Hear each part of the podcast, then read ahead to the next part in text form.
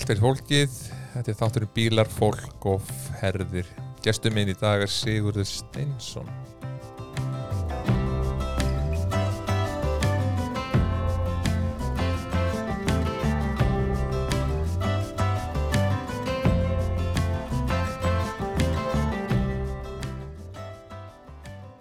Velkomin Siggi, Já, takk fyrir Palli. hvað ég til að kallinn?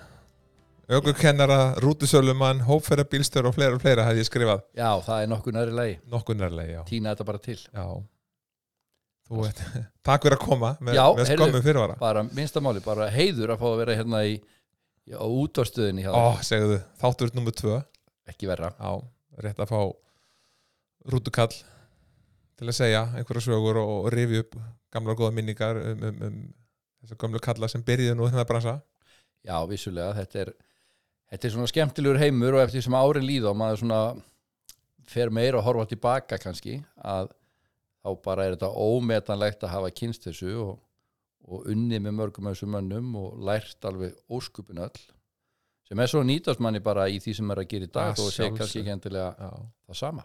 já, já. Þetta, ég maður velti fyrir sér bara þessu þessi, þessi frumkvælar þessi, þessi harka í þessum köllum sem voru að berjast við að fá vegi, nota veginn og, og svo verður þessu út um bíla og tæki og smíða allt sjálft og undirbúa og fara og keira og rukka og, og hvað Já, þetta hétt Það sko. var allt annar heimur. Alltaf heimur. Maður er, að, maður er að lesa og sjá frásagnir þar sem menn voru eins og Ólafur Ketilsson var að fara að lauga hvað 1928 með efni í héraskólan hann var að taka hlassi þrísvað sinum af á bílnum og koma sér við drullupitti og sita hlassi á bílinn aftur. Já, hinum einn hinum einn Já, ég hugsa að þetta væri nú svona þætti nú frekar hart í ári að gera svona vinna þetta svona í dag. Já mannstöðu kallinum? Já, já, mér ámar í kallinn og hann var náttúrulega bara þjóðsuna persóna. Og uh, ég man eftir maður var á umferðarmiðstöðin að þvæla sem pegi bara 10, 11, 12 ára þá var hann ennþá á ferðinni þar. Orður reyndar svona lúin svolítið en, en uh, sögurnar og það sem hann heyrði bæði frá honum og ég þekkt, þekkti nokkra sem unnu hjá honum og þetta hefur náttúrulega verið bara svona bara mikill skóli og, og svona hálgjöru sirkus.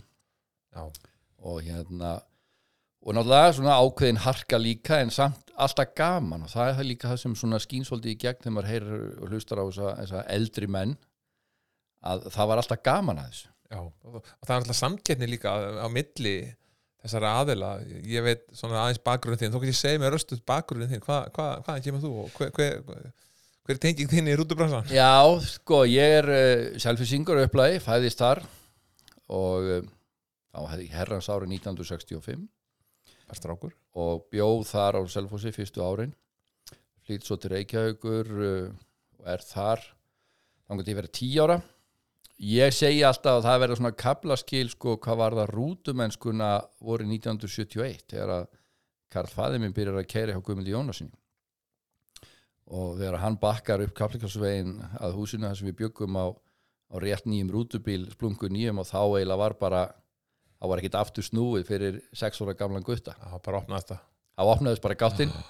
Og ég hef nú sagt við þá frændur hjá G.J. núna Edda og Stefán og eins Gunnar heitin að, að þetta kompani ber nú bara svolítið ábyrð og því hvar ég er stattur í dag og hvar, hvað ég hef verið að meira og minna sísla við síðan sko. Já, síðan alltaf var ég líka mjög heppin að afi minn í móðurætt, hann var mjölkubilstjóri og ég var mikið hjá honum og þeim.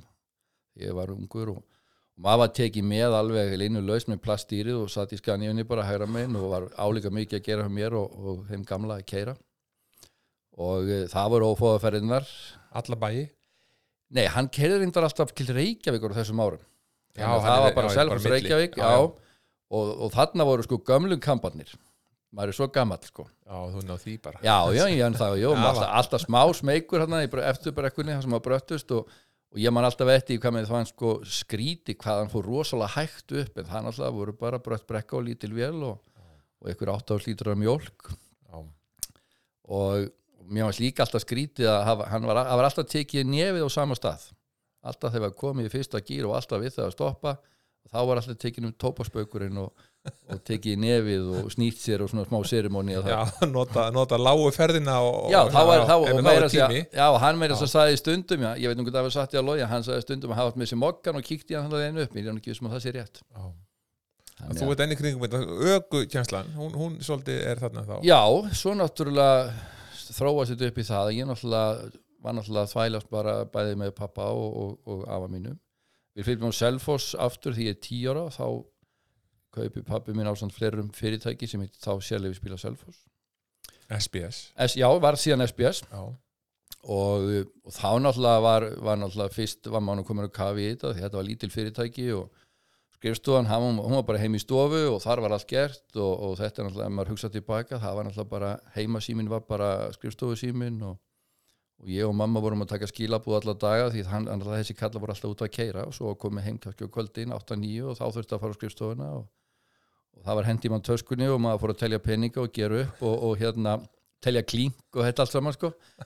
Þannig að og svo náttúrulega, var bara bílatellan maður var alltaf að fara með og maður geti fengið að fara með þetta og hitt og það var nú svona ég, alveg svona dáist nú alltaf að því þegar maður hugsaði tilbaka, maður var eiginlega oftast nær tekið með sko, alltaf pláss fyrir einn. Alltaf pláss fyrir einn og það var náttúrulega sumaferði voru skemmtilega en aðra maður veit það, en svo var nú pappa alltaf hlægi að mig, sérstaklega þegar maður er að keri á Guðmund Jónas nema var að fara með til kepla ykkur að það var nú sko í setni ferðinni þá yfirleitt sopnaði ég alltaf sko, báða leiðir. Já, en að fara með var mikið aðrið og hérna, þannig að þetta var að síast inn bara þarna nánast með móðumjólkinni svo náttúrulega fer ég náttúrulega leðum að verður komin á eh, komin á 20. árið, orðið 19 ára þá fer ég meira prófið. Og þá fekk maður náttúrulega prófa vörubíl og, og leigubíl síðan þegar ég veit tvítugur þá bara daginn eftir þá er farið til Reykjavíkur og tekið rútupróf. Mikill við það og svo fyrir bara að keira og hérna Lá beinast við? Hann lá beinast við, það svo sem var ekkit annað, ekkit annað sér lág fyrir og, og hef nú verið bara meira og meira viðlóðandi þetta síðan, fór reyndar í fór reyndar í saminu háskólan og bifurust, var þar tvo vetur. Ætlaði mér að fara að vera skrifstofumæður og vann á skrifstofu eitt ár góðu fyrirtæki á Selfossi og, og bara fínu og skemmtilegu starfi. En þetta tóði alltaf í mig og svo var ég svona hálf svona, já, fengin í annar starðar sem hérna ég tók að mér sem svona hendaði nú ekki alveg og, og síðan úr því þá flytt ég til Reykjavíkur aftur hann að 96 þá lá beinast við að tala við þá hjá kynnisverðum, var búin að vera mikið að keira fyrir þá í gegnum SBS, þar voru svona ákveðin tengsla á milli alltaf vel kunnugur þar öllum og, og fyrir að vinna þar hann að hausti 96 við að keira þá er ég búin í millitíðin að ná mér í aukakennara prófið og var að kennast á Selfossi, bara krökkum, bara að kera bíl. Og eins því fyrst, eftir ég flyttir Reykjavíkur þá er það sama þar, ég er að kenna á fólksbílinn svona bara með annari vinnu eins og reyndar flestir aukukennar að gera. En uh, síðan 2001 þá er ég fenginn til að kenna verklega kennslu á rútubíl og var í því alltaf bara með að vakta vinnunni í ja, hartnær 20 ár eða tæp 20 ár. En þú ert í því, þú ert ekki með lítið bíl þú ert að Nei, nei, kenna bara meira ekki, prófið. ég hef ekki kent lítin, á lítinn bíl í bara mjög mörg ár nema bara börnunum mínum.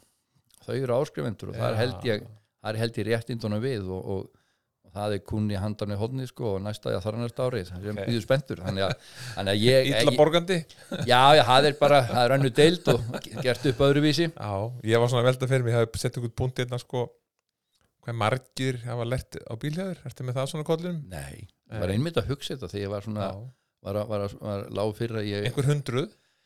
Já, já, í sko, sko ef ég tek til dæmis bara bóklögu kennslunum í aukurskólanum mjót sem ég hef verið viðlóðandi byrjað þar að kenna 96 bóklegt. Hef alltaf kent hver einasta meira plussnámskeið þar.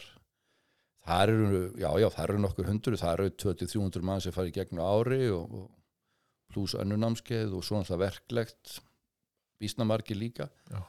og þá líka kemur að þessu skemmtilega sko, maður er dettat um fólk hinga og þanga sem hefur að kenna. Já, setna mér já, einna mér, ég er náttúrulega mjög ómaglökkur yfirleitt og, en sumir eru svo sem eftir minn leir en það er að koma fólk og heilsa manni og mannst til mér og við vorum þarna og þetta var þarna og, og það er bara gaman og, og hérna og sérstaklega maður hitti fólk sem hefur sko.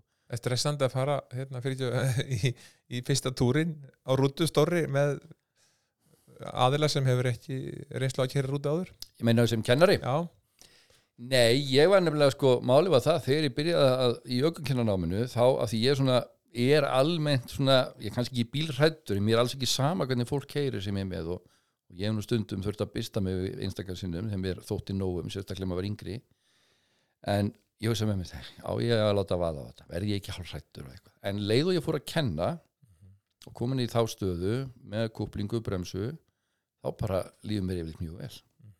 Maður er aldrei hrættur en maður náttúrulega þarf að vera bísna vark á stundum og svona vel, maður þarf að passa marga hluti og sérstaklega fyrst og, og auðvitað stillir maður þetta af þannig ef nefndur eru óryggir og, og svona með lit, lítinn, maður að segja, bakgrunn og að þá er maður bara á fríum get gott, bílaplan eða eitthvað líka. sagt fyrir mína parta að ég hef búin að kera vörflutningabíl í einhver ár bíl og vagn, vestur og fyrir og alls konar aðstæður. Mhm. svo f- settist ég fyrst í rútu og, og, og beint í prófið. Ég hafði ekki mikið tíma til að prófa hann eitthvað áður. Ég nei. bara beint einhvern veginn í prófið. Mm ég, þetta, mér leiði rosa illa með þetta. Mér, þetta var svo allt öðruvísi hvernig, hvernig maður satt og hvar og satt við fram að hjól og speklarnir á öðru stað og er slíta á ekki af og svona sko, Já, alls konar. allt um tilfinning Já. og maður hefur stundum sko, stundum hafa verið og mjög oft er að koma nefnendur til okkar sko, sem eru eins og þú og fleiri búin að vera að keira vörubíla, sendibíl og eitthvað svona og segja bara þarf ég eitthvað tíma, er ekki bara próf? Er þetta nokkuð mál? og allt þetta sko og maður segir, jó, já, við skulum bara að kíkja á þetta. Og það kemur nú bara að ljósa og menn hafa oft sagt við mann, já,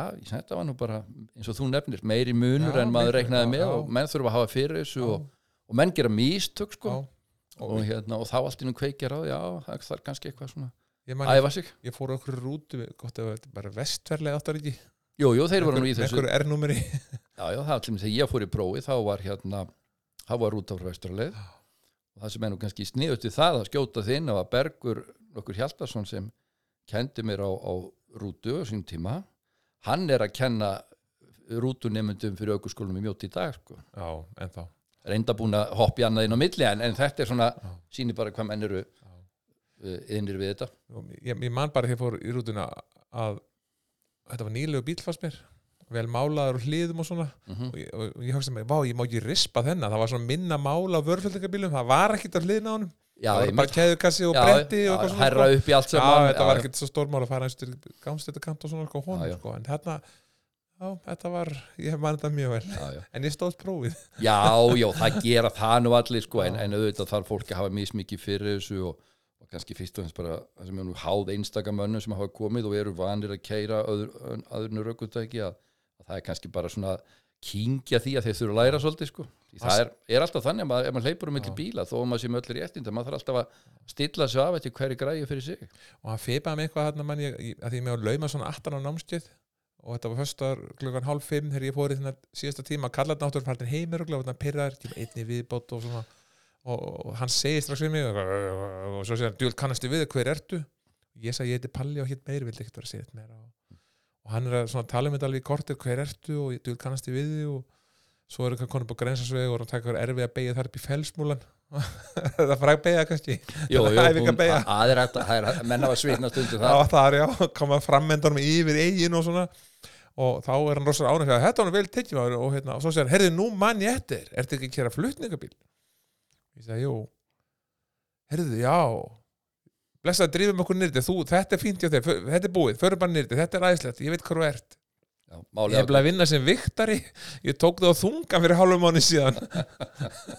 En ég man ekki hvað sem maður hétt Nei, já, fínt. Já, Já, þetta er nú líka það sem er nú skemmtild við þetta sem betur fyrir hennan heim sko, kennslu heim þó hann er- sé nú alltaf nákvæmur og það fyrir að vinna allt þetta í bókinni að þá er nú svona er bæði kennarar og eins prótómar mjög fljótir að sjá hvernig nefndu standa sig. Já, já, og í kennslunni hefur maður þurft að taka oft bara fólk og bara svona hampa því svolítið og, og koma því á stað því að fólk svona er ekkit sem eru bara hrættir við þetta eins og þú nefndir. Já, en það verður ofta, bara, ofta tíðum bara bestu bílstjórn það er ofta ekkit betra að fá okkur sem er mjög klár. Það er fínt að vera pínur hrættur sko. Það, það var nöðsilegt Í já, sama hvað það heitir En við vorum að tala um hérna uh, gamla áðan, Óla Kjett og, og þá sem voru í kring sko, SBS og Selfossi og, og fleiri og fleiri, austur öllu sko, austurleið Óskar og, já, já, og fleiri og fleiri. Hvernig, hvernig var svona uh, andin á milli þessara manna? Auðvitað voru í samkeppni líka vinir og vegum og svo já, framvegis. já, það var náttúrulega það var heilmikið rembingur, það var heilmikið samkeppni og það voru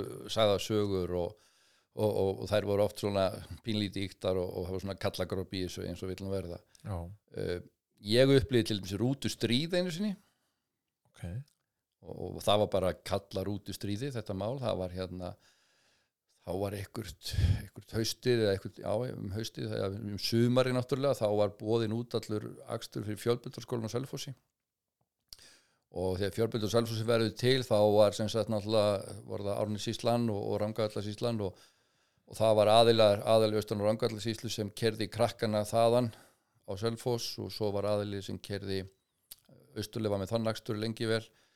Kristjáni Hveragerði, hann kerði krakkana á Þóllarsöfn og, og Hveragerði á Selfoss. Og svo var semst SBS eða Selvi spila Selfoss sem kerðu krakkana eira bók og stokkseri þetta voru sem bara stóri bíla sem kom alltaf á skólaplanni að í mótni svo er þetta bóðið út nema, nema fyrirtækið okkar eða sem pappa og þeir áttu það fjekk sem sagt dagsturinn hann átti sem sagt að fara að keira keira alla skólakrakka og fjölbrytarskólanum e, í skólan á, mótnana og náttúrulega heima aftur eftir mittægin og þetta var bara, þetta var svona var náttúrulega svolítið mál fyrir þessi fyrirtæki sem höfðu verið með aksturinn að því að bæði var alltaf spurningum að þú varst alltaf að hafa þarna tekjur og, og vinnu fyrir tækinni við veturinn ferða þjóðan ekki eins og öflug eins og núna.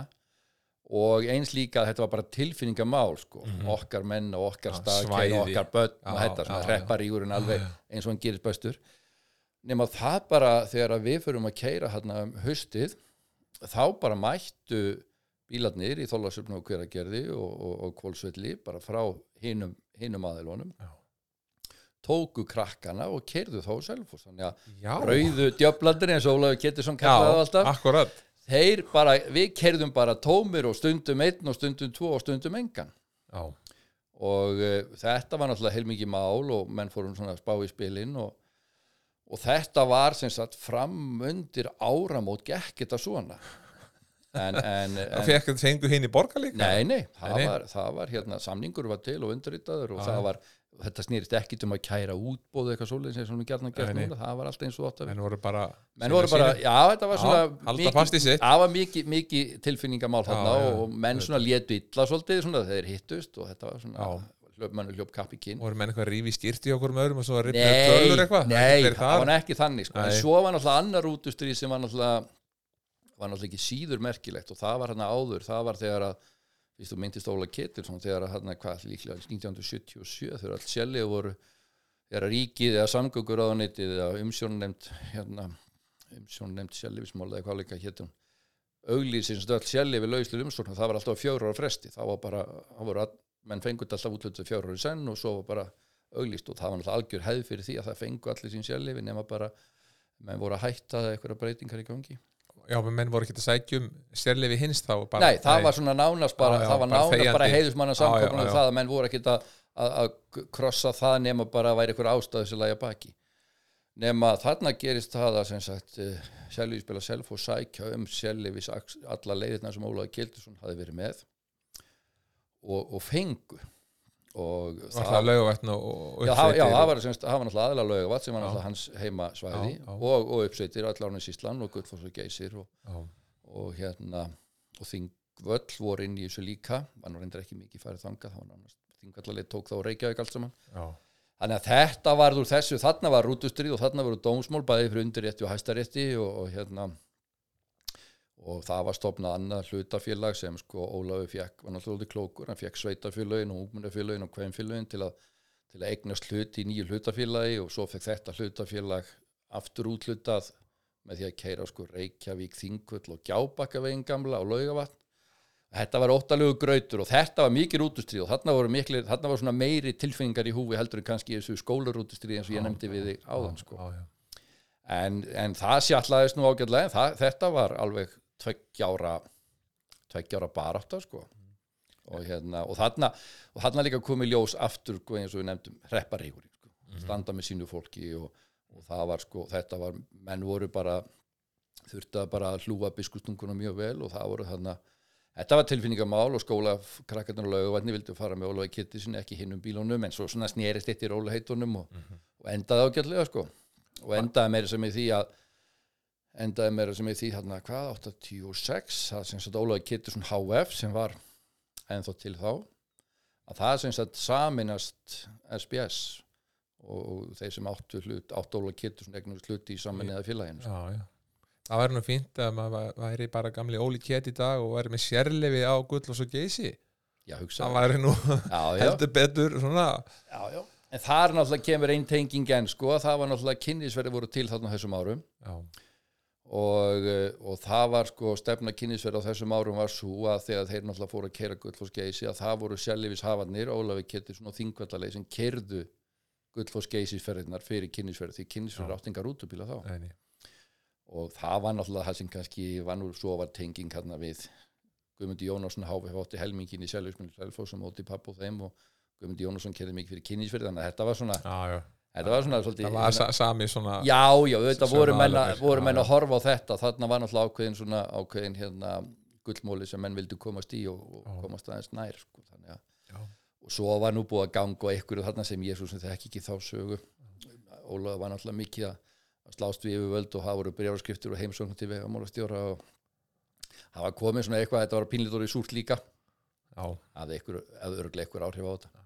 Er, þetta er náttúrulega árin sem að bílaegn er ekkit almenn meðal fjölskyldna Nei, þarna var náttúrulega voru áallanabílarnir bara voru bara ferðamáti fullt Já, af fólki já. og, og ég maður það þegar ég byrja að keira sjálfur hann 85 að, að það voru bara mikli flutningar og það voru tveir bílar alltaf í ákunnum ferðum og föstudugum og eins á sunnudugum og, og hérna talningum með að gera vont viður og, og ófærið þá fjölga alltaf farþegum og, og þetta var bara voru býsna miklu flutningar og samt bara búið að minka sko með að við þarna áður og ég myndi eins og þeir sem voru nú að keira þarna sko þetta ekki nú nokkra sem voru þarna að vinna veita miklu fyllhimins í Vestmanniagósinu þeir allir Vestmanniagin komu, komu upp, á, upp á hérna, Já. upp á land alltaf bíllausir. Já, já, þetta voru bara þjóðflutningar sko. já, þannig að hérna, að og pakkar líka. Pakkar og póstur og allt Já. þetta og, og hérna og ég, maður náttúrulega náði þeim tíma sem þetta var bara að fenda pakka á hverju já, bæ. já, við það í tungónum, já, Já. já, ég man það, það var alltaf og meira að gera föstum Já, já, það var náttúrulega föstu dagarnir og föstaskvöldin eins og gengur Já, og, já, og, já. og það guttlaði já, pökkunum lengi vel já, og, það maður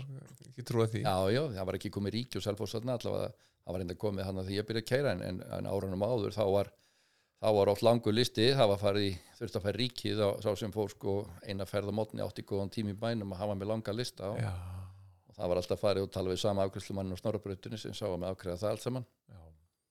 þannig að þetta voru svona alls konar, alls konar útrettingar þjónusta? Já, já, bullandi þjónusta. bullandi þjónusta sko. Já, já, þannig að munur kannski í dag svolítið, það, nú er þessi sérleif öll bara farin, þau, þau eru ekkit virk sem slík. Þau eru ekki verið sem slík, það kerfi var formulega lagt af 2005 þegar, og þá var þetta fært til fært til hérna sveitafélagana já, sveitafélagin tóku sér saman sem sagt landsluta samtök sveitafélagana og hverju landsfjörðungi tóku þetta verkefni fangi með náttúrulega fjármunnu sem við fengum í gegnum frá ríkinu til að Já, halda þessu gangandi því að þetta er náttúrulega þjónusta sem þarf að vera til. Nú þá verður til þessi svo kallega landsbyggja strætó sveitafélagin sömdu við strætó BS hérna í Reykjavík um að halda utan í kerfið. Mhm. búa til leiðakerfi, gjaldskrá símsörun, kynningar og hérna og svona halda utan um þetta. Mhm. og svo hefur náttúrulega feng, fengu sveitafélagin svo verktaka til að sjá um akstuslut finnst þetta betra kerfi en það gamla? Nei, mér finnst það svona stórum hluta verra já, sko. já, já, Þannig verra, Já, já, já. það var náttúrulega ákveðin breyting og það Já. breytingi var kannski fyrst og fremst svo að sko það var ennþá verið að keira um milli A og B það var ennþá verið að sinna þessum stöðum öllum en það var kannski svolítið með öðrum forsendum stærsta breytingi var svo sko að eh, eins og til dæmis með eh, leiðina sem ég þekki vel Selfoss hveragerði og östu fyrir fjall og eins veit ég með Suðunesin þegar það var tengt inn í þetta að það var það að fólk var annarkvæmt eins og í reik að austan að fara bara í mjóttina og svo tengdist að strætó kerfinu þaðan alltaf til að koma sér meðan að, og eins þeir sem voru í Suðunesunum það var bara að fara í flesta ferðina bara í fjörði, hafnafyrði og svo þetta fólk að fara taka sér strætó til að klára leggin sko.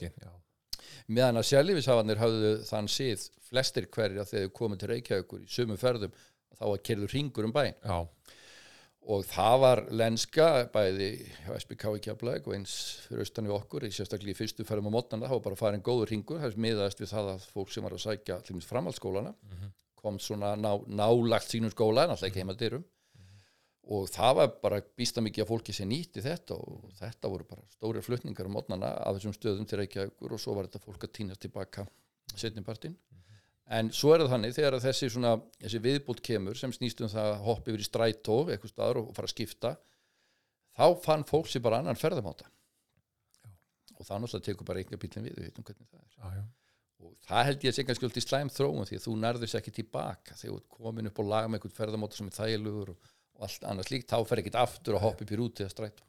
Svo líka það sem gerist og er, er, er vonda kannski sem ég held að þú set að segja við mig að þegar eitthvað kerfi er búið til og það kannski er ekki það sem fólk er að leita eftir þá fer þetta alltaf ranga átt Já, og það var kannski, sko, það var aukin tíðnin, það voru fleiri ferðir í bóði og það var svona, þetta var mjög metnaða fyllt kerfi, þetta var leit mjög vel út Já. og, og svona gert af heilmiklu metnaði og stórhug en það vantaði kannski tenginguna við sko farþegana, hvernig þeir Já. myndu vilja Já. hafa þetta það var ekki hlustað mikið allavega á þá sem höfðu verið í þessu áður það er að segja gamlu sjálfleifisána Já. sem voru að klára sín líftíma þarna.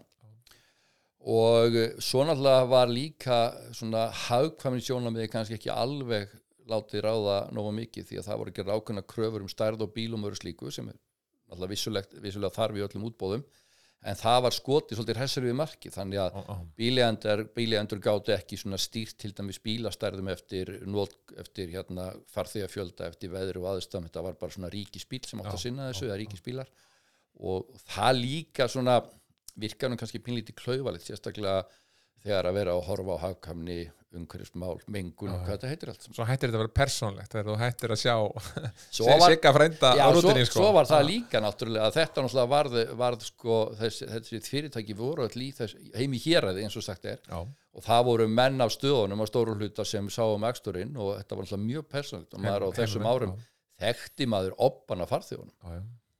Og hérna og, Það, það, það er jú oft bílstjóri sem, sem býr til kunnuhópin það, það, er, það er einhver maður sem vinnur í vestlun og það er hann sem eignast einhverja kunna ekki að það eigi í búðina heldur Já. það er bara gott að eiga hann mann í búðinni. Já, já það, má ekki gleyma því. Þar, er þar kemur líka inn náttúrulega mjög stór þáttur í starfi fólksvöndingabílstjórn það eru allir þessi samskipt samskipti já.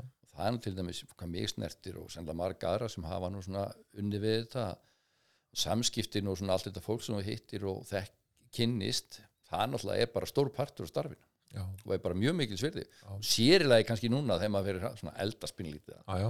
það er að rifja þetta upp og það er til sögur og það er Já. náttúrulega bara sannar og lognar sko Og þessi, já, og þessi tíma náttúrulega þá var vinsald að fara líka á böllin tala nú ekki um, það væri nú Já. alveg að taka sérstakka þátt um það. Þryggja þátt að serju Já, það var náttúrulega, ég var alveg rosalega heppinn það sko, að það bara á einni nóttu þá eiginlega skipti ég um hlutverk, maður var búin að vera farþi í sætaferðunum já, uh, frá unga aldri og, og því þetta voru náttúrulega bara menninga samkomu, svo voru nánast einhver einasta helgi og, og æði oft fór maður með rútunni og það var bara gaman, það var hluta stemmingunni og síðan bara allt inn er maður komið með rútupróf og þá fyrir maður bara að keira nákvæmlega sömu krakkar og maður búin að vera að skemmta sem er bara einhverjum vikum áður. Já, og þarlendi var það bara náttúrulega bara mjög gaman og gekk bara yfirleitt mjög vel og, og hérna þó þetta hafi nú kannski ekki alltaf verið til fyrirmyndar umgengni og, og allt slíkt og, og, og, reglugerum Max og hildatíma, það var ekki Já, verið að finna hann upp nei, heldur nei, þarna. nei, það var ekki klukka þarna. Það var ekki klukka og það var ekki verið að telja mikið inn í bílana, það var svona freka hvað þið tóku mikið bara heilt já, yfir. hvort þetta að loka? Já, hvort var þetta að loka Já. og hérna en, en enga síður og við svona hittust nú öðru hvort og maður hittir í gamla félag og þetta skal alltaf þetta koma upp, þetta var nú gaman og, og alltaf koma upp einhverja sögur og góða minningar. Hvað með bílaflag, voru, voru menn í basli með að finna bíla eða fundust réttu bílarnir alltaf á þessum tímum? já, eins og nefndum að smíði yfir bíla voru Það menn var gert náttúrulega- sjálfur Þetta var náttúrulega allar útgáfur af þessu. Það er sko, það er svolítið gaman að stúdera það að sko frumkvölarnir margir í rútubílakstri þeir byrjuðu sem sko vörubílstjórar. Mhm. Guðmundi Jónasson til mér var bara fyrst á vörubílastöðunni þrótti sem kemur til Reykjavík og er þar bara. Uh, í Kjartan og Ingimar þeir voru í grunninn hérna flutninga eða vörubílstjórar síðan svona þróast þetta og það er sko það fer að myndast eftirspurni eftir því að flytja fólk. Og það var ekkert margir sem voru í því en þetta voru aðeilarnir sem áttu tæki, voru með reynslu uh, gríðarlega framsýnir oft á tíum svona ef maður horfir á þetta tilbaka. Menn voru að stökka bara ákveðin tækifæri sem voru. Og það að það skulle vera smíðu botti, farþegaboddi sem köllu voru og sett hún á vörubílspall þetta er bara einstæmi í, í veröldinni allavega hérna í vestrann heimi þetta verið gert. Og það er sko þetta byrja þannig sennilega stærstu hluta fyrir alþengisáttíðan 1930 þá náttúrulega var bara ákveð bara stefna sem flestum þangað taka þátt í þessu merkilega viðburði. En þá var hugsunni sko eða vandamáli hvernig við eigum að koma öllu fólkinu? Sem er gáttu gengið, sem er fóru ríðandi hátt ekki margi bíla en þá voru til slatti af vörubílum. Hinga fluttin óskupa vörubíl á 1927, 28, 29 mótili eins og hálftóna bílar og það voru settir og settir og þessi menn bara fóri það hann bara um vorið að smíða botti á þessa bíla. Allir það sé það bara uh, fyrstu merki um, um bílabreitingar á Íslandi? Já, með, meðal annars, endur bæta hans til var því að húsin á þessa bíla voru náttúrulega smíð á Íslandi. Já, þegar Ford kemur þá er bara á honum bara bretti, vél, hút og svo bara stýri mælaborð og búið. Og menn er ennað þessu í dag. Það er verið að taka, Já. kaupa nýjan vörbíl og setja rútibóti yfir Já, og og þetta smíða. er það sem verður að horfa á sko, það mennir að tala um að breyta, breyta vörubílum í rútur, það er ekkit, nýtt undir sólinni og, og hérna og ég náttúrulega kynnist þessu náttúrulega alveg, alveg sérstaklega vel þessu því að afið minn þessi sem nefndi til sögunar ráða mjölkubílstjórn, hann kaupir í, með mági sínum uh, 1975 líklega, 4-5 held ég á þá kaupa þeir 1930 mótilega vörubíl sem var í geimslunir og erabakka orðin lélugur Mhm.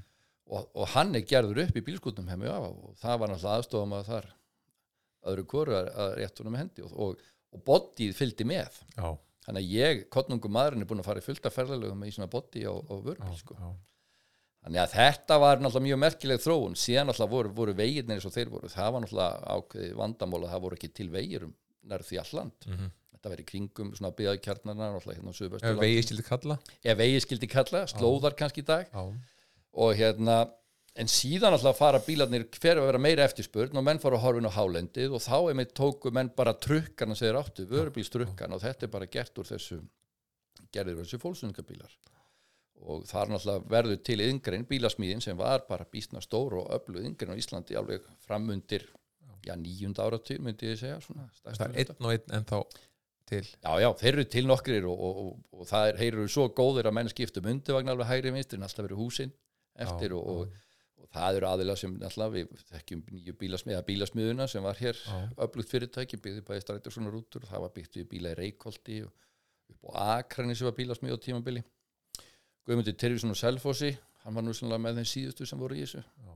þeir byggðu sína bíla allir meira og menna sjálfur framan af og svo náttúrulega eins og þú þekkir menn, menn voru að byggja flutningakassa og menn voru í alls konar tilfæringum á já, bílum já, já. og þetta svona er náttúrulega gríðara mikið svona, mikið svona hugvit og, og hérna framsýni og svona sem þarf í þetta og þetta hefur bara haldið áfram vil ég meina og er ekki dósip og menn sjá bara í. Já. Þetta er- svolítið sama. Þetta byggir, á því að það eru til einhver tæki Mhm. Sem að framlegandi býr til út í heimi Já, en það, það virkar ekki alveg fyrir okkur nei, hér er vetur, já, Hér er snjór og og og allt við, við þurfum þetta og hitt og Við- við viljum framdrif og stóru dekk undir eppana rúturnar þurfa þetta og hitt Já, já. hálun, koma til Já, já. þósmörk, landmannlegar yfir átnar, Já, já. yfir vöðin maður hefur verið að sína rútu framleiðendum sem maður er kynst núna setna árin myndir hérna, Já. hvað menn eru að bjóða þessum bílum og hvað eru til gamlir og hvernig eru smiðir og, Já. og menn bara gapi yfir þessu og hérna finnst þetta bara ansið merkilegt Já, já. og, og að þeirra vörumerki sem kannski er ekki endilega að hugsa svona skuli verið þessum aðstæðum hér, það er bara Já, já. svolítið merkilegt sko. Og, og, og okkar tenging er nú líka að við unnum á sama stað. Já, já, heldur selja, selja fína Já, já, á Mercedes-Benz. Já, já, þú bennur svolítið ábyrð á því því að ég sá á Facebook einhvern tíman að þú væri allar að fara sölsum og, og þá ákveði ég að hafa samband við við vinn okkar sem við þekkjum báðir og, og, og, og því fór sem fór. Og svo fór. Já, já, það er bara Og- Svona eru tilvílinar alltaf skemmtilega þeir í vegsmiðin úti er nú ekki trippnir af þessari smíði svona beint. Þegar þeir vorum að ég var einhvern veginn að panta fyrst uh, bara einhver vörubíla og þeir spur hvert að senda hann bara hinga til Íslands, við ætlum að setja á farþega hús Já, þeir voru ekki trippni sko. Nei, nei. nei þetta stóðst eitthvað Evrópustala, þeir þekktu þetta ekki þekktu þetta ekki í Indlandi eitthvað já, sko. já, já, já náttúrulega sámarka og, og, og, og þá eru náttúrulega bara framlítið bíla til þess sko. og þeir svona, þetta var aðstja hætta nýtt fyrirtæki og nýje menn að stýri þessu, ég að selja og svo framvis þetta var pínu flókið að skýra þetta út fyrir mönnunum, að þetta er búið að gera þetta lengi. Erum, þetta, er ekki, þetta er ekki fyrsti bíli sem ég er að kaupa núna sko, og það var þannig sko myndi ég að halda svona áronum já, 50 65 og alveg framundir 80 Já. þá voru rútegendur í Íslandi að kaupa sem sagt af Scania, Volvo og Benz grindur sem voru rútugrindur. Og voru bara smíðað sem slíkir. Já, já, og byggt yfir þá annarkot hér á Íslandi að þeir voru farið með það í vexmjör eins og í Svíþjóð og Finnlandi.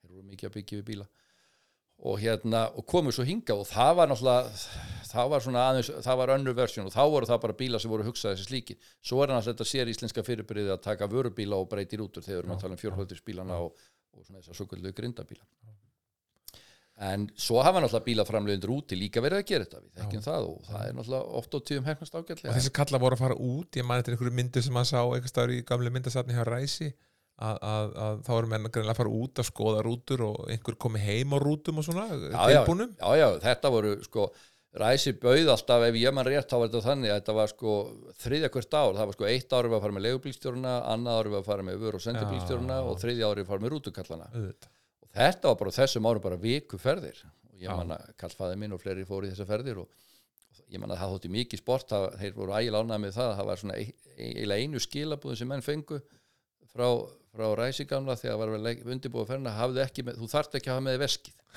það, það þótti ekki verra og ég er náttúrulega ekki ímyndið okkur á þessum árum sem að, voru, þetta voru kannski bara einu utalagsverðin sem Já, svo- þessi kalla já. fór í á þryggjára fresti, það voru, það voru bensferðalveg Já.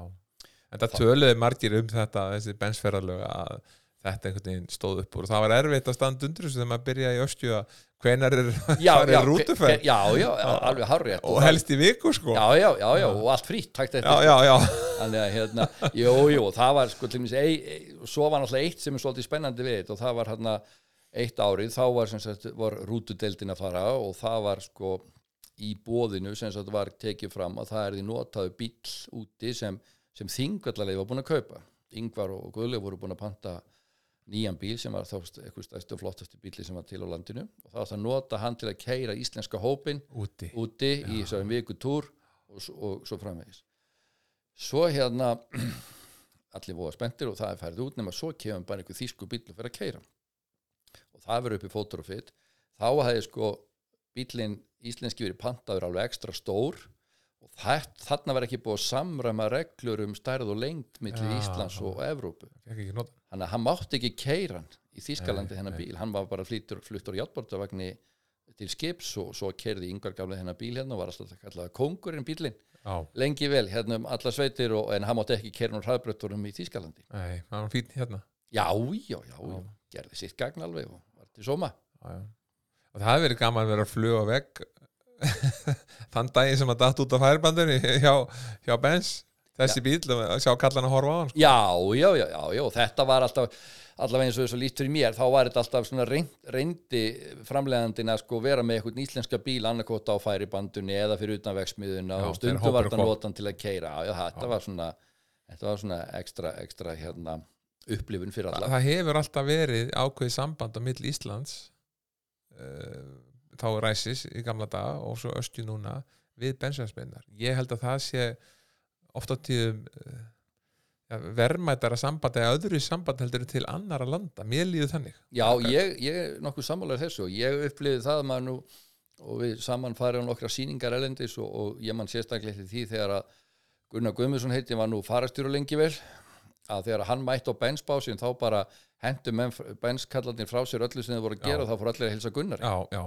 og, og, og þetta er náttúrulega eitthvað sem ég held að sé svolítið sérstakt sko, að, að því að við erum ekkit svakalega stóri við erum ekki stóri kúnar Nei, ekki, ekki, en það er eitthvað, þeim, finnst eitthvað við okkur sem að, að það er eitthvað svona þessi kraftur og þessi, þessi, þessi Já, sköpun, sköpun. og, og og hann eitthvað að nota. Við erum Já, að nota dótið, við erum Já, ekki bara að panta því langar í það, við erum að nota þetta. Við erum að nota þetta og það er líka held ég að hjálpa til að, að þessir menn hafa oft komið hingað. Já, myndast náttúrulega mikil tengsl þá og góð og, og það er ofta útbúin að hitta manninu og þá á rönnu tengsl heldur en, heldur en hérna í gegnum síman þú sér það fyrsta kemur haldin í, í Kárheimilinu já, heldur betur 1954 Já. eitthvað svo leiðis þá Já. er sendir ykkur bílar á undan og, og, Já, já. og, svo koma kallarnir og, og þeir fóru ykkur, ykkur víða, fóru norður og, Mhm. og þetta var svona eitthvað stíli eftir af þessu dóti hjá Ræsi já, einmitt og var kannski bara grunnurinn að því að þeir komið úr staði í atvinnubíla Já. sölinni sko, og, en það var borgað ég minni á það, Ísland eh, við borgum með hestum, já, alveg rétt já, þetta voru náttúrulega þeim árum þegar íslenski hesturinn lí- lítið, lítið til að gjaldið Já, sko. já. já, já, þann, þannig urði bítinn sko úr var þá til uh, Þýsk mörk í Þýskalandi Já, sem að. Benz þá fekk eh, já. einhver annar kipti hestin sko. já. Já, já, þetta er náttúrulega og svo er líka náttúrulega eitt bara er svolítið merkild í þessu því að við náttúrulega, með við alla tæknin og allt sem er í daga, þegar menn voru að sko kaupa og, og, ganga frá viðskiptum bæði við að kaupa bíla, nú talaningum þá sem voru að selja ferðir hvað þetta hefur verið frumstætt allt saman. Og, og styrt, menn höfðu náttúrulega, jú, síma var þetta ringjum mellir landa en það var nú oft á tíðum ekkert einfalt skilsmannin og menn voru í brefarskriftum já, og þetta gekk náttúrulega á hraða snýðilsins vendalega, já, já.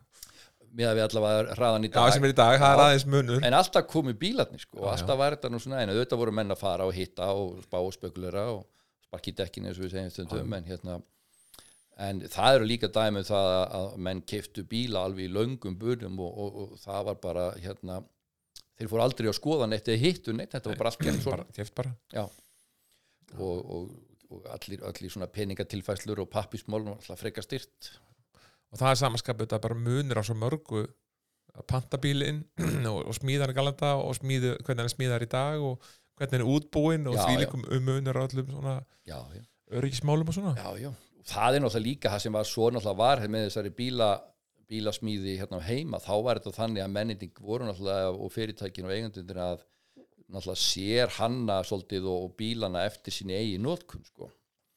Einn vildi stóra fargurskemslur, aðri vildi litlar og lágar af því að hann var að keri miklu vindi og, og einn vildi þessi sæti og hinn og, og einn vildi toppgrind af því að hann þetta að gera þetta og þetta gott um enn bara og ég man það, ma, maður var að fara með kalli föðu mínum í bílasmíðuna það sem var verið að eða til hans titta í kóbóinu sem smíða hann nokkra bíla fyrir þá þarna fyrir austan. Og þá var verið að stúta rímsa hluti og það er náttúrulega þar voru menn að byggja á reynslunni fyrst og síðast. Að, að, að fá bíla sem svona hend þetta var bara klæðskir og sögmaði bílar. Byrja að snemma? Já, já, og menn geta, þetta, þetta, menn geta mætt bara inn í þessu umbúð og kipt bara bíla sem við vilja fá. Já. Já, og, já, og hæðir? Já, já, og það hefur náttúrulega verið farið með og við þekkjum það, það hefur verið farið með, farið með kaupendur erlendis sem, og ég hef gert það í verksmiðu það sem var verið að smíða bíla og mér er sérstaklega minnist að þetta sem ég fór til Portugal og hitti þar bílasmið með, með viðskiptavinn með mér og, og hann var með rúðustrykka, hérna, reikningsbók. Það fór allt í hanna, það var engin tölva eða, eða símið að neitt. Og hann þurfti reyndar að kalla til aðstofamann þegar koma svona ramax og tæknimálum var með okkur svona klukkutíma kannski.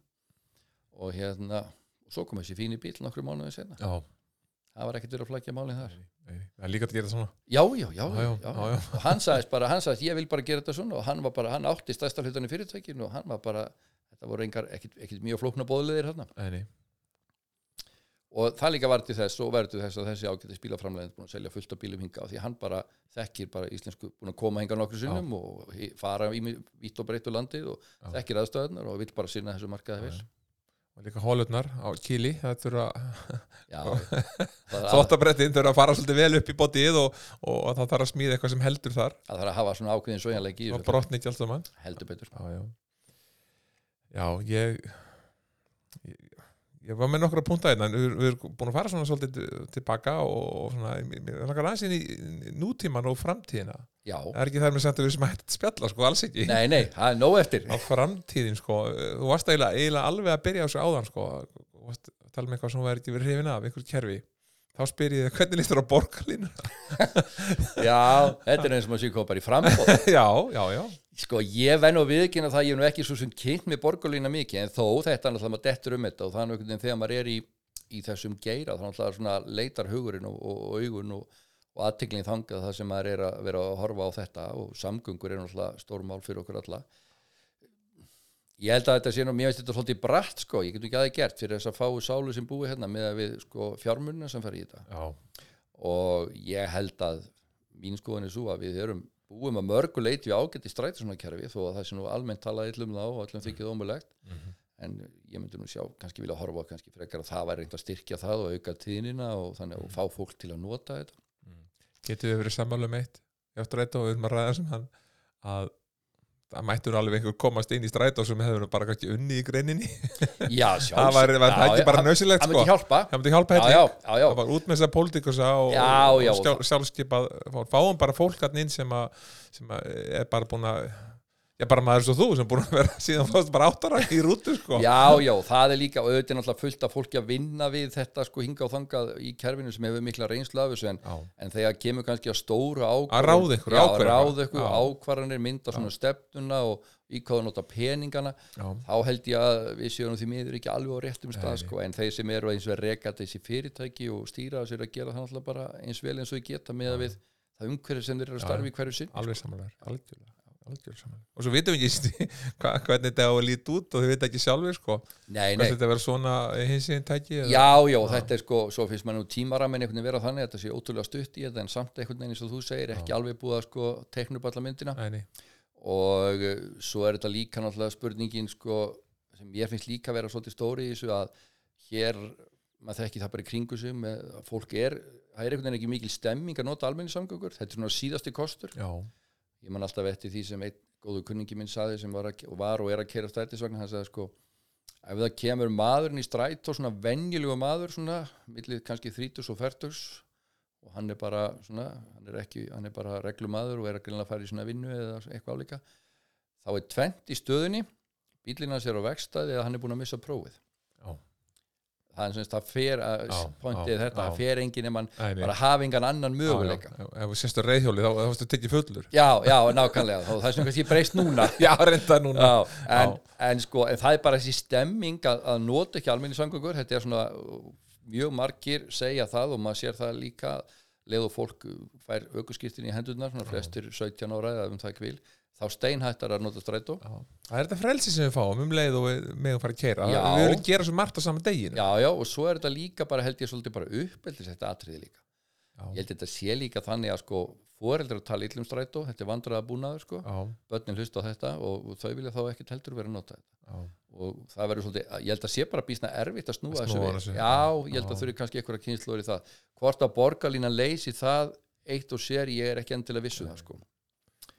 að og er Svo eru konur ramarsrútur og, og strætóar. Já, já, ramagstrætó Þetta er bara komið. Þetta er komið, við erum bara, verðum bara að fara að kingja því sko og hérna en að sama skapi náttúrulega rosalega spennandi tímar framöndan og það held ég sko ramagsbílarnir náttúrulega, fólksbílarnir náttúrulega komni langt á undan og þar hefur náttúrulega bara fyrst og ennst nýst þetta um náttúrulega eins og svo gullu drækni sem við erum alltaf að horfa á og, og, og stærðina og þingdina og þetta allt saman framleyslan og rafluðum er náttúrulega alltaf þönnu núna en bara fyrir fimm árum og þá eftir að breytast ennþá meira á næstu fimm árum þegar kemur að bæði léttari rafluðum og, og öfluri og sagt stræti svona framleiðendur nánast allir, þú er ég að fullir það eru náttúrulega í því að framlega rama strætisvagna. Já. og það er bara mikið kapplöp þar núna. Hver er semst og þá er það fyrst og fremst drækni sem við vera að horfa á þar. Já, þurfi ekki að vera hlað á milli ferða eða, eða eitthvað álíka og ég er næstu vissum það á næstu svona einu til tveimur árum þá verða komni bara stræti sem keira þess vegna 500-600 km á, á þessum rafluðum og, og þá náttúrulega fyrir við fyrst ekki sjá þetta í alvöru nótkunn því að vagnandi sem hefur nátt í dag að þeir, þeir þurfa hlæðslu einu einu sinni við daginn ef ekki oftar og þá náttúrulega þarf einhvern annar vagn að koma og keira meðan og þannig að þetta verður óþjált kerfi svolítið.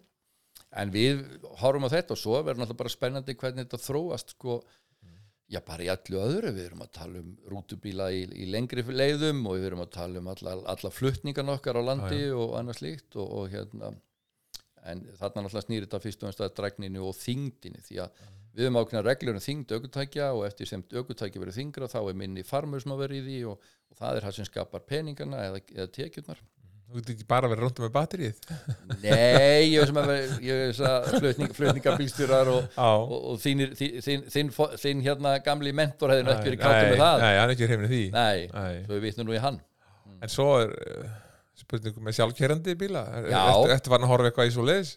þetta, þetta er náttúrulega mjög spennandi kostur sko. Já, og hérna og þetta var nú hérna sko, þetta gerist eitthvað tíman og það er nú bara aftur nefnið það að aldurinn og okkur palli þó að við, okkur finnst vera kottnungir að sko ef við hefur verið sagt fyrir okkur fyrir 30 árum síðan eitthvað um, um eitthvað sem er orðið bara sjálfsæðal hlutur í dag þá hefur við bara fussað og sveja sko. já en ég held nú samt að sko staðarindin er svo varðandi Ísland og ef við bara horfum hér á Reykjavíkusvæði þá held ég að sjálfkerandi bíl er náttúrulega til núna.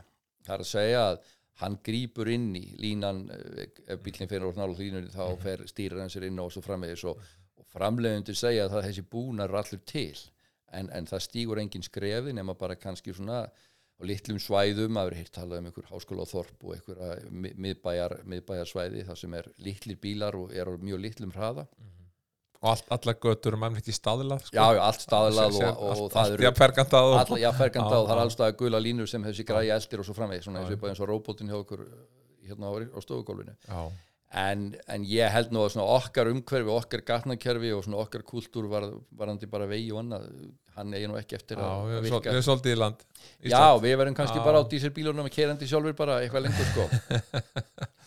Já, það er en þetta er vissulega spennandi og þetta er sko og svo er ein spurning sem er náttúrulega líka alveg og bara það held ég að sé bara svona á heimsvísu að, að það sem á eftir að leysa í þessum sjálfkerandi bílum það eru tryggingamáli já, hvað, gerist ef já, þetta gerist já, hver ber ábyrðin já, og varandi tjón og slís og annað já, slíkt sko. á Þannig hverju var þetta ekki prógramin í bílin að að- já, að hérna, þessi að hugsa, framlegandi hafi ekki hugsað fyrir því að það myndi stökkva köttur já, fyrir bíl og, og hann leit út eins og brunnahanni sko, eða já, eitthvað já, já, einmitt, einmitt. Að hérna, en þetta verður bara, bara sem betur Já. fyrir alltaf eitthvað spennandi að handa við hotnið Já. og það er náttúrulega þetta hérna, en, en ég sé eins og sé, ég seti ekki fyrir mér í stóru stíl hérna á okkar svæði. Ég er að kera náttúrulega afganga svona bílum sem eru með þessum skinjurum sjá, sjá línur og allt.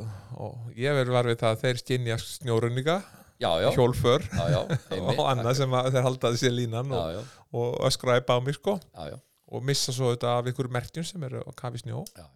Þá er nú vissar að hafa tröstan mann eitthvað bak við Já, ratið já, sem það grípur maður ekki fara langt að trí sko. Maður verður að svona klár cirka Nei, nei, en þetta er náttúrulega bara, en auðvitað er þetta náttúrulega og það er, við horfum bara á stóru bílana sem við þekkjum kannski best að allur þessu örgispúnur er náttúrulega gríðarlega mikilvægur og þægilegur og, og maður bara hugsa tilbaka sko, þú veist, maður var að byrja að keira þú veist, það var, var engin belti hvorki fyrir farþeg eða, eða bílstjóra og, og hérna sætin sem menn sátt á voru svona nánast eins og eldurskolla með smá baki og, og hérna og, og allt svona, já, þegar kom örgismálum þá var, var, voru menn svolítið bara lausir sko, já, núna finnst maður, maður maður er sestur út í stýri og, og er á stórum bíl og, og ef maður er ekki búin að setja þessi belti þá finnst maður að vera hálf lausallur og skröltandi sko. þannig að það er rosa munu hvort þú stýst upp í eh, flutningabíl í dag og, eða, rútu og að stjótast eh, bara eins og ég, vestur Ísafjörða einu flutningabíl fyrir félag minn, taka hann bara örstuð þangað og, og þá ég er til að bara fara svo rættu sko, bara Já, drefa já, mig. Og já, það maður nær þessu alveg bara á okkur svona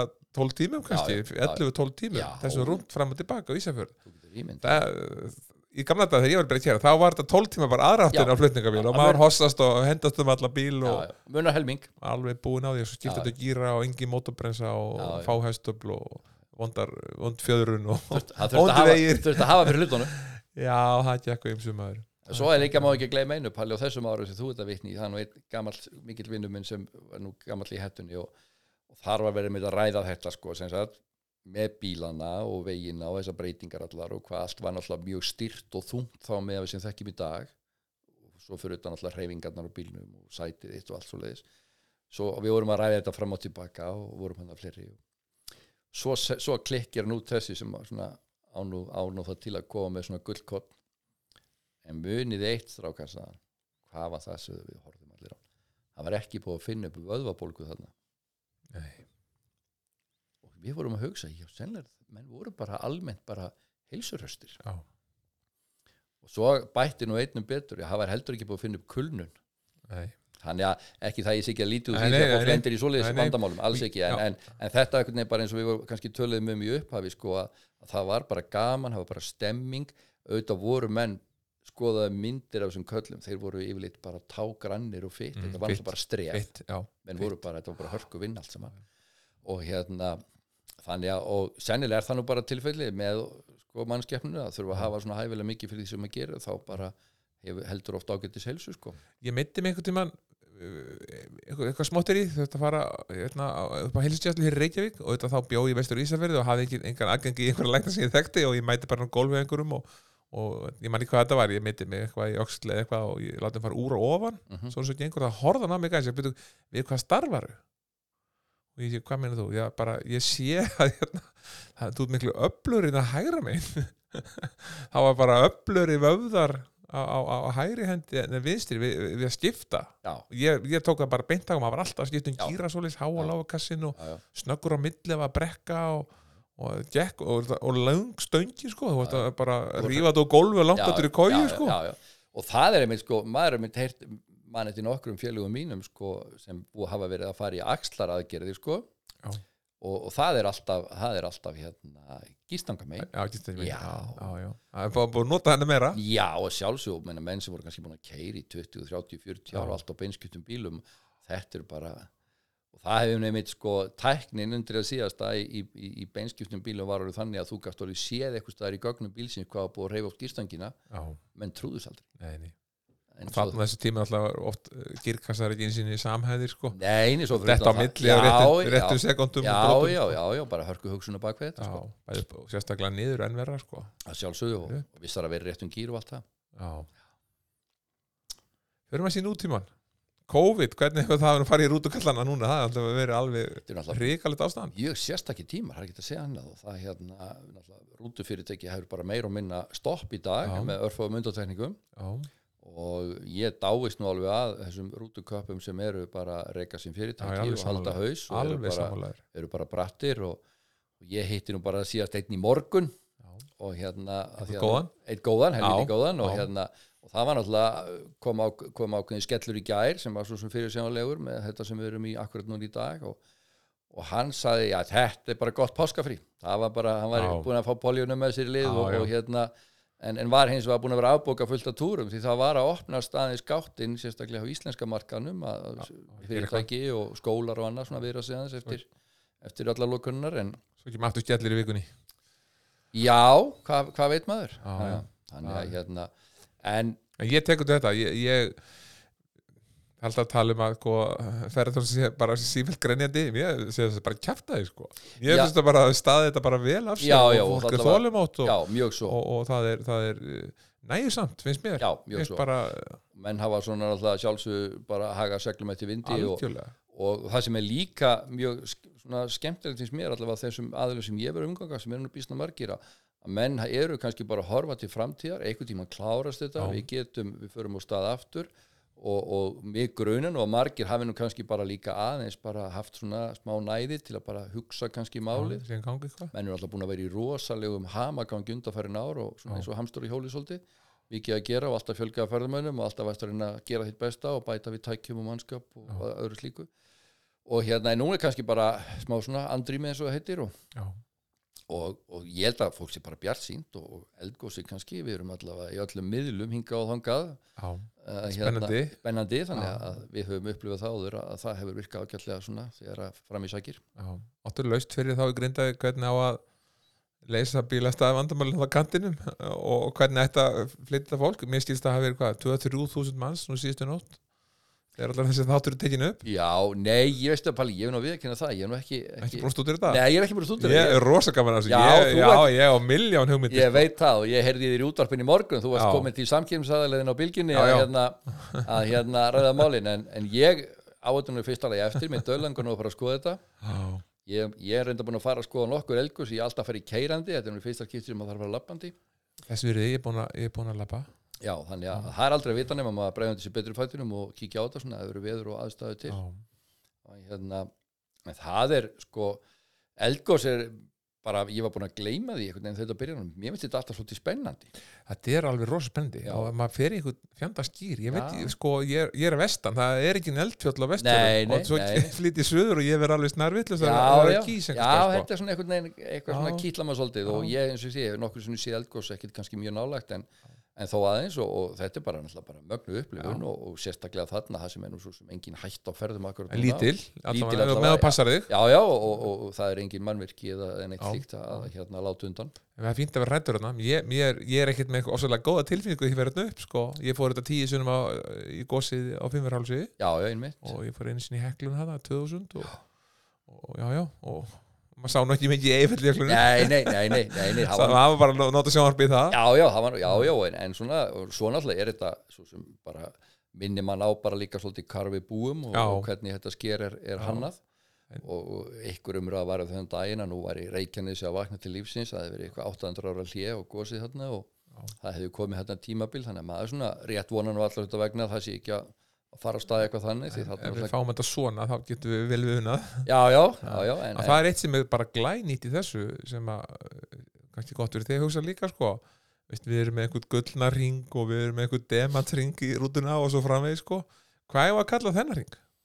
það er spurning Þetta, þetta er, sko, fólk mun koma þarna þó, þó gósi hættindi viku eða, eða þrjú ár fólk mun líka fara að horfa á raunnið þetta verður bara eldringurinn eða raunringurinn. Eldringurinn, já, já, raunringur þarna á eftir að rjúk áru, ég man það ég fótt í Vestmann ja, þá var ár síðan að hætta að gjós og það raugur allum að fann hittan þannig að þannig að þetta er búið að koma þessu svæð á kortið og minna er bláalón í næsta nákvæmni og mikil trafík að ferðamönnum ég, þannig að ég vil bara hvetja grindvíkinga og ráðamenn þar í kring að standa vel að þessu núna að Já, já. undirbúa vel, bara það, þarf bara að gera góð bílastæði já, já, og fleiri gönguleiðir, í allar áttir, upp og niður í allar áttir já, já, voru þeir ekki að bæta við leið í í dag dag, jú, já, já, þetta, hérna svo þarf að laga veginn hann upp, Meradalinn og, já, og, og hleypa hann ykkur ákveðinu umferð í ákveðinu mæli, já, já, svona sem já, já. passar í, út, frá, út frá því sem hann þólir með ákveðið fólk, fatlað Já, já, og, er og, það og, búnað fyrir, fyrir kveikmynda fólk og svo framvegis sem þarf að gera. Því það verður alveg pottitt eftirspurn eftir þessu svæði hvað svo sem þetta góðs gerir. Já, já, en einhvern veginn hefur mann skilist það á, á vísindamönnunum að, að þetta eigi nú trúlega eftir að malla hann einhver tíma því að Já. virkni verðist vera, vera heilmikil ennþá. Og maður verður dálitur þetta upp í sig þú, maður fer bara á góðnir og þú tapar Stað og stund. stund já, sko. eins og það það bara bregðandi sér betri fattinum og, og hérna þó er svona ekki mikið göngugarpur en þetta er komið að þá stiga maður þessu samli í já, þetta þú fer létt með þetta sko. Já, já, það lítur að hafast. Við erum að tala í klukktíma, sé ég það er ekkert annað. Er- og rétt að byrja. Já, já, þetta getur verið fyrst í þáttur á tíu. Mér langar fara tilbaka aftur já, við verðum eiginlega að fá að því þessi þáttur og þessi þætti mínir er hugsað svolítið að heiðra minningu frumkvölana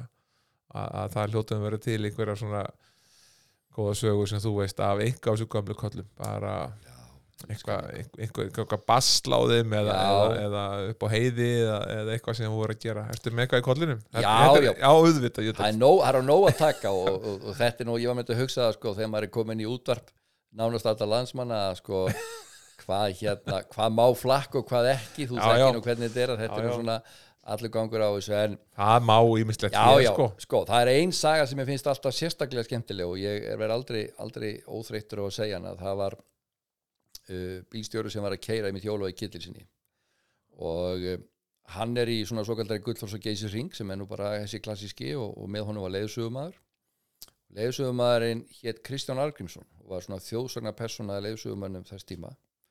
Og ég kynntist honum bara sem pegi þegar var að, maður var að sitja í og, og náði að keira heilmikið með honum svo þegar var að, hann var, var ennþá þá að starfa vorum- við vorum miklu mátar nema hann er þarna með þessum ágæti spílstjóra undir Ingolsvellinu fullu bíl af farþögu og uh, þessi bíl var þannig að hann var með svo kallari skellihur þannig að, sagt, þetta var ekki svona vængir eða hleri heldur bara, bara eins og svona bara hurðin heima hjá okkur Mhm. bara á lömum nema það var feiknilega sterkur loftjakkur sem opnaði og, skellti og þegar þess að hurðu, var ítt á takkan og það skelltust aftur þá kom alveg ægalegu smellur talandi um öryggismál og eitthvað það var ekkert En við hendi á milli. hann hefði bara hendi á í allavega batni bara húkast af.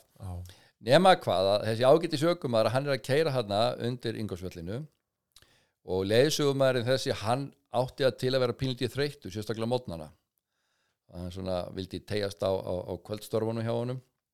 Nema hann er svona eiginlega hálfan að dotta hana og, og liggur svona utan í farþegahörðinni í leiðsögumannasættinu nema það að síðan kemur rigningaskúr og bílstjórun alltaf að kveikja á þurrkonum nema hann var líka pínlítið þreytur nema hann ítir og vitlis hann takka og hann opnar sem sagt hurðina.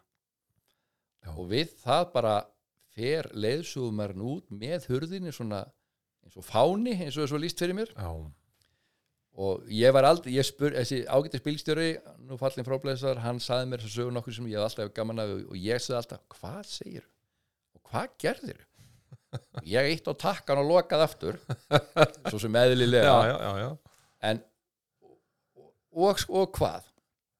Þá náttúrulega kom leiðsugumærin inn með hurðinni Aftur. aftur yfir mótorkassan og ég fangið á bílstjórun þar sem hann var á 90 km hraðan með fullan bíla farþegum. Þannig að ég þetta er náttúrulega mjög sk- broslegt. Það sem ég er líka að hugsa alltaf þegar ég- er að þetta fyrir mér farþegarnir sátu fremst í bílnum hvað, hva, hvernig hvernig, Hvernig sáu þeir þetta? Já, hvernig sáu þeir þetta Já, fyrir já, gerast? Já, og hérna en, en svo segir sagan, ég var ekki langt í að komst að því það eru nú máttur Facebookarinnar en þó að það var verið að tala um hennar ákveðna bíl þar eitthvað svona rútu, rútu hérna síðum að Ólafur Ketursson sko létt skiptum hurð á bílnum eftir þetta og sita á hann annars konar hurð því þetta voru eins og hann kallaði mandrapshurð já, uh, það er svo sem hægt að týna ímyndilegt til meira og hérna sem er náttúrulega, já, skemmtilegt margt af því eins og um, já, nú, nú er þegar maður á að vera að fyndi þá er ekkert víst að það gerist Nei, alltaf. nei, nei, en hérna, jú, jú, það eru sko svo náttúrulega eru sögur sem tengjast þessu ekkert endilega bílnum heldur bara í hverju menn lendur svona í, já, kallanir kallarnir. Já. svona í sósjallífinu sem fylgdi þessu nú og var nú oft svona býsna fjórut á köflum sko. Já, og hérna og sem er betur fer, annars væri við ekki 350.000 Já, þar fyrir utan sko. Já. og hérna, nei, nei, það er það er hérna uh, hægt að týna til sko, til dæmis það þegar að hérna já, í hérna hvað, hvernig, hvað er maður að bera niður? Þannig að maður svona sé nú ekki að meiða neitt sko. Ekki, ekki vil maður lendi því. Að hérna það var náttúrulega verið svona já, varandi tungumál til dæmis. Já, menn voru ekki alltaf sterkir og svellinu þessir þegar koma því að hérna koma því að hérna eh, eiga samskiptu við ferðamennina. Já þeir, fara að koma eitthvað, það viti. Skal við skoða keri sagði einn einu sinni. Og það virkaði bara já, það var bara að stoppa við keri og sko. allir, allir, já, já, Já. allir skoðuðu það og Já. voru bara ánæði með sig þar sko. Já, og hérna nú einu manni eftir sem hérna þá voru NMT símandur að koma fyrst eins og þú manst nú já, eftir. Já voru þóttu mikil þarfa þing og, 85, 6 Já, eitthvað svo leiðis og hann fekk sér náttúrulega síma í bílinn og, og hérna og hann leitt tengja hann við flautuna það var þóttu Já, var rosa flott. Þetta Já. var svona til að ná í mennið Já. voru ekki alveg í bílinn og Já, já. bílinn að flauta. Tengja dankalið við flutuna Já, Það var þótti flott. Já, já. og þessi var nýkomið svona búnað og hérna svo var hann að segja kollegur sínum frá því að svakalega spertur að sko hann var alltaf að fara að fara með hóp upp á Akranes og hérna átt að fara með Akraborginni. Það hótti nú svona svolítið sport sko. Það var stundu verið að fara með svona ferðir og þá var sko að fara með Akraborginni upp yfir og keirt Já, svo þar og svo baka. tilbaka nema bóarnir vinir hans eru náttúrulega rosalega hérna vel fengjandi því að þeir vissu nákvæmlega klukkan hvað skipi lagði á stað og, og hvernig þetta var allt saman og, og við munum það þegar maður var í Agraborgina það var mjög stranga reglur að fara úr bílunum upp Já, og enginn mátti fara niður. Þeir ringdu stanslust í síman alla leiðina meðan já. var verið að sigla upp á Akranes hann flautaði náttúrulega bergmálaði og getur ímyndaði sko kallaði í skipin og til kálvitlusi sko. Hinn náttúrulega orðin svo vitlus að hann vildi fara að komast og svara því að hann náttúrulega alveg vissum að stóri túri Þarna var stóri túr Þúr, já. Og, og þeir voru á BSI í, í, í bílstjóra símanu þar alveg skip, voru á vöktum að ringja sko, menn voru, það, hérna voru þreyttir í puttanum, þetta var alltaf Já. skifur símin sko. þannig að það var alls konar svona. Já, og á þessu tíma var alltaf engin símnumara byrtir nei, þá nei, þurfti hann að ringja tilbaka í alla sem hann þekkti. Varst að ringja, varst að ringja já þetta var, svo, svo held ég sko að, að þe- svo kemur hann tilbaka úr ferðinu og fer að lýsa þessu remmingum og þá voru þeir nú ekki meiri bóar en það, þessir, þessir svo gullu vinnir að, að þeir svona mistið út úr sér og það var úr þessu náttúrulega alveg, alveg svaka grín sko. Ykkur. Vínir lókum já, já, já, já, já, já. en það er eins og því, svo er náttúrulega er, er, eru margar sögur til að þessum eldri mönnum sem svona maður hefur heyrt líka og, og hérna og það var það snerist um það að menn voru náttúrulega bara að bjarga sig líka sko. Já, það var náttúrulega gríðaleg sjálfbjörgaviðlætni og menn voru alltaf tilbúinir að, retta sér og retta öðrum og, og hjálpa til og svo framvegis og, og viðgerðir og annað, ég man einu sem ég saði mér einn að bila í honum talstöðin guðvinnist talstöðin og það var alveg kólómulur við því og hann var nú að keira vestur á Ísafjörð það, þessi kappi fyrir, fyrir vesturalið og, og þá var nú sagan orðið þannig að hann tók nú talstöðina bara í sundur og á mótokassum leiðin tilbaka og lagaði hana en ég er nú ekki alveg vissum hvort að það hefði verið hægt nákvæmlega en, en þetta er svo veiðisögurnar Já, lag já. sem eru alltaf stærra og stærra eftir sem maður segir sögun oftar já, já og hérna menn voru að missa hjólin undan við alls konar aðstæður og, og þessi samskiptu öll voru náttúrulega bara oft bísna, bísna skemmtileg sko. og hérna og rembingur á milli manna Mhm. og kappakstur, það er líka eitt það er nú að því þú veit nú gemur rallíinu það náttúrulega var, þarna voru bara menn sannarlega að stunda kappakstur sko. Já, það var ekki bara að finna upp hraðtakmarkarna þetta var. Og, og menn voru svona bara veist, menn voru, ekki, menn voru mjög flinkir að kæra þú voru hörkudræfirar og en það var, menn voru, það var sperringur og það var eins og fram fram fram úr og já. vera á undan og, og slást um farþjana það voru ákveðnum, og ákveðnum tímum dagsins voru, voru fimm áallunarbílar að fá reykja fyrir, fyrir kvalfjörð þannig að það var eitthvað undir að ná, já, ná kúpnum. já, já, og vera fyrstur í, í, fyrstur í oljustöðin í kaffið og karfast þú og gengur þetta ekki hjá þér klóra sér í gegnum Já, skallan, í gegnum sexmessaran já, já, og já. svo í vondum veðrum, ég man eftir einum sem var mjög góð sem ég þekki nú vel að, að það var kálvillist veður hér mjög vond veðurspá og, og, hérna, og vond veður bara. Nema það leggja á stað bílar austu fyrir fjall og, og, hérna, og svipuðum tímallir og, og þetta var á þeim árum, það var alltaf lagt á stað sko. það var ekki endilega verið, sko, það var ekki þessi tækni dag að sjá það væri ófært. Já, já, já, á þetta. Einmitt, spá í það, skoða þetta. er þetta að fara að kíkja. Og hérna, og það var þannig að, semst, að það sneru við, þarna, tveir bílar hann var þriði bíl og hérna, og hann bara klárar ferðina sína og svo fórum við að spurja hann var ekkert vont hjá þér. Dróf alla niður í honum hjá mér það þarf ekki að segja Nei, sko. menn þurfa að halda reist Já, sko, já, í svo já, sko. já, hérna jú, þetta var, þetta gekk út á þetta. Já, og, og, og þetta voru sko en maður bara sko það sem maður heyrði og, og, sá og kynntist bara yfir kaffikappbolla og í, í matnum með þessum köpum og, sögurnar og dæmi sögurnar, sannar og lognar og maður lærði óskupan öll af þessu, margt af þessu var þannig að maður bara nýtt sér það bara sjálfur þannig að hérna, Ég, ég verð að játa það, ég nefnilega var ekki svona rútu megin hérna framan af. Ég, það eru svona síðustu árin sem ég er að kynnast rútuköllunum og, og ykkur og fleirum. En mér lakka til að mynda að fá vörflutningabílstóra gamla hér í stólinn. Og þá, þá get ég að færa að ríða upp sögur því ég var bara 15 ára eða Já, 12 ára já, sko, já, já, og nægir svo. En ég var svo heppi kannski svo þú að hafa náð þessu gömlu, gömlu köllu sem Já, fyrstu aðeins, tengjast. heim og þessu vondu vegum já, já, já, þetta er bara, mér finnst þetta ómetalegt og ég held að sko að þetta er eitthvað líka eins og ég eins og sé, maður hefur geta nýtt sér þetta bæði í kænslunni og, og sölumennsku og ráðgjöf og alls konar Já. spekulasjónum við, við, við aðila sem því að í grunninn byggist þetta alltaf því sama þó að tæknin og aðstöðunar breytist það sjálfsög Þetta er flott lokaður, Siggi. Takk fyrir að koma og hver veitnum að þú þurfa að koma aftur að segja meira. Ef þú rumskafa það í kvöld og þú glimtir ykkur það er nú engin hættu á öðru sko. þá, þá, þá kemur þú bara aftur herru, bara takk fyrir Takk. mig liðspalja, Takk bara heiður að fá að vera með þér hérna. og, og við heyrjumst í næsta þætti sem eru vonandi fljótlega líka